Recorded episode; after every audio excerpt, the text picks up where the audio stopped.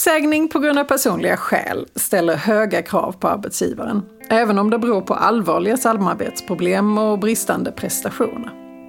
Uppsägning ska vara den sista utvägen och det innebär att arbetsgivaren i stor omfattning ska stötta och hjälpa den anställde med sina problem innan någon uppsägning vidtas. Och att det som arbetsgivare är viktigt att ta problemen på allvar och ligga nära problemet och försöka hitta lösningar blir tydligt i ett rättsfall från hösten 2020. Idag ska vi prata om AD 2020 nummer 58.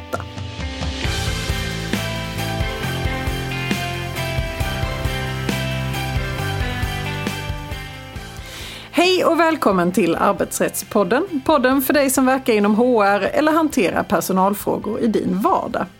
I den här podden vill vi bjuda på nya infallsvinklar och dela med oss av vår kunskap för dig som arbetar inom HR-området.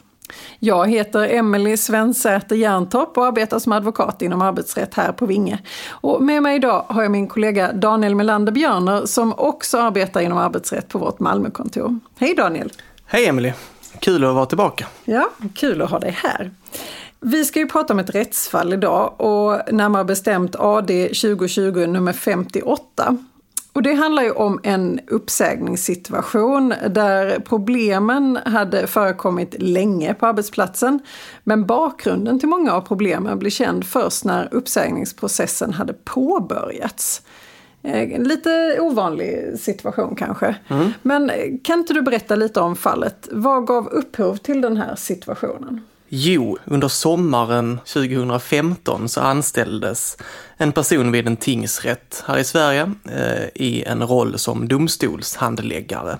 Och eh, några månader efter att hon hade börjat arbeta så blev det ganska tydligt för cheferna på enheten att den här anställde hade svårt att prestera på en acceptabel nivå och eh, hon hamnade även, eller hon hade ett eh, mindre bra bemötande mot sina kollegor och sina chefer. Ja, det här är ju allvarliga problem båda två. Vad, vad gjorde arbetsgivaren? Arbetsgivaren kallade då till ett möte med den anställde. Man satte sig ner och gick igenom och eh, frågade den anställde på vilket sätt man kunde anpassa hennes arbetssituation och eh, försökte reda ut om man behövde göra några förändringar. Och så sa man även att eh, ditt beteende på arbetsplatsen rent socialt, eh, det måste förbättras. Så man tydliggjorde egentligen vad man förväntade av henne också där? Ja, precis. Hjälpte det då? Nej, det gjorde det dessvärre inte. Utan eh, man upprättade en åtgärdsplan och den anställde hade en del synpunkter på den här åtgärdsplanen och tyckte att den behövde anpassas. Det här slutade med att eh, några månader senare så skickade den anställde ett, ett väldigt långt mejl till eh, lagmannen på den här tingsrätten. Det var ett mejl på ungefär 30 sidor. Och efter det så fortsatte problemen så att man kom inte till rätta varken med att hon kunde prestera på arbetet eller hur den sociala biten fungerade, utan det eskalerade. Och de här eh, problemen löpte på ganska länge förstår jag. Vad, ifall du skulle sammanfatta åtgärderna som vidtogs? Absolut. Man hade flera möten med den anställde där man satt ner och pratade och försökte anpassa hennes arbete. Eh, man tog fram åtgärdsplaner som man skulle följa och man kopplade även in företagshälsovården. Dessutom så omplacerade man den anställde till en annan enhet med andra chefer eftersom att det inte funkade längre på den andra enheten. Men även där då så fortsatte samma typ av problem.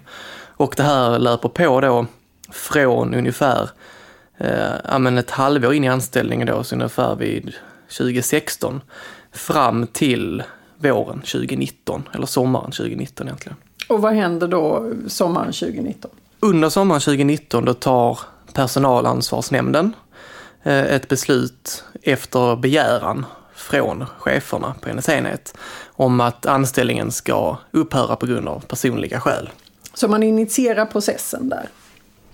Precis, det gör man eh, egentligen då under, under våren 2019 så begär man om att anställningen ska upphöra och sen under sommaren så tas beslutet. Men eh, det hade tillkommit lite mer information där som var ganska väsentlig, särskilt i en sån här uppsägningssituation. Vad var det för information? Ja, det var eh, en, en ganska viktig omständighet. Ehm, Vid ett av mötena med företagshälsovården så uppmärksammade företagsläkaren att den anställde kan ha någon, någon form av eh, en neuropsykiatrisk diagnos. Och skickade då en remiss till eh, en legitimerad psykolog som träffade den anställde. Och efter det så kom då under våren 2019 den legitimerade psykologen med eh, ett neuropsykiatriskt utlåtande.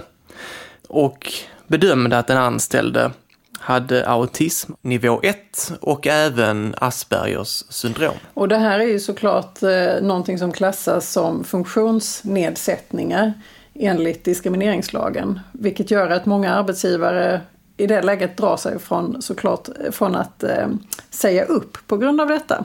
Men det hindrade inte arbetsgivaren i det här läget. Nej, det gjorde det inte.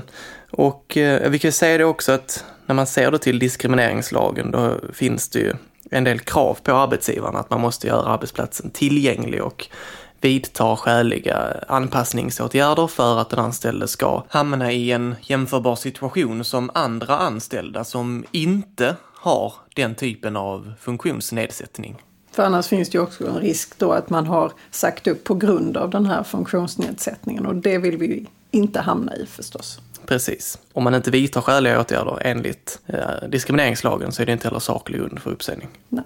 Eh, men här vidtog man ändå uppsägningen. Och eh, efter det så hamnade då fallet i, i Arbetsdomstolen. Till slut efter att det hade gått igenom tingsrätten som första instans. Och då kom ju AD fram till i det här rättsfallet att det fanns samarbetssvårigheter på, eh, för, som, eh, som skulle kunna föranleda uppsägning på grund av personliga skäl. Men vad, vad, gjorde man för bedömning avseende åtgärderna som hade vidtagits från arbetsgivarens sida? Var de tillräckliga? Eh, AD konstaterade att arbetsgivaren hade vidtagit väldigt många åtgärder eh, under de här åren och försökt komma till rätta med den anställdes problem på arbetsplatsen, både i förhållande till hur den anställde presterade men också hur den anställde fungerade socialt. Eh, och psykologen hade i sitt utlåtande gett en del rekommendationer för hur man kunde göra situationen lättare för den anställde men också för hur de andra på arbetsplatsen skulle förstå hennes problem som hon hade på grund av autism och hur det påverkar henne i arbetet. Och de här rekommendationerna de låg i linje med de åtgärderna som arbetsgivaren redan hade vidtagit. Så då menade Arbetsdomstolen att det finns inte mycket mer arbetsgivaren kan göra i den här situationen utan Eh, konstaterade att det fanns saklig grund för uppsägning. Vad man kan plocka med sig här är ju att eh, det är ju verkligen viktigt att man, man ligger nära problemet på, de här, på det här sättet och verkligen följer upp och vidtar ordentliga och grundliga åtgärder som man verkligen anpassar för det specifika fallet. För i detta fallet så hamnar vi verkligen i en situation när man får de här diagnoserna på ett väldigt, väldigt sent stadium. Eh, och ändå så kunde man eh, göra en granskning av de här eh, åtgärderna som man hade tagit och då hade man uppfyllt det igen. Så, ehm, Precis, ett grundligt och noggrant arbete det kan resultera i att det lönar sig i längden på oväntade sätt, kan man väl säga. Jättebra, tusen tack för detta Daniel. Tack så mycket. Dagens gädda när man ska ta tag i problem som eh, har att göra med samarbetssvårigheter eller bristande prestationer på arbetsplatsen, se till att göra ett grundligt arbete. Det kommer att löna sig, både för att reda ut problemen och om du hamnar i en uppsägningssituation.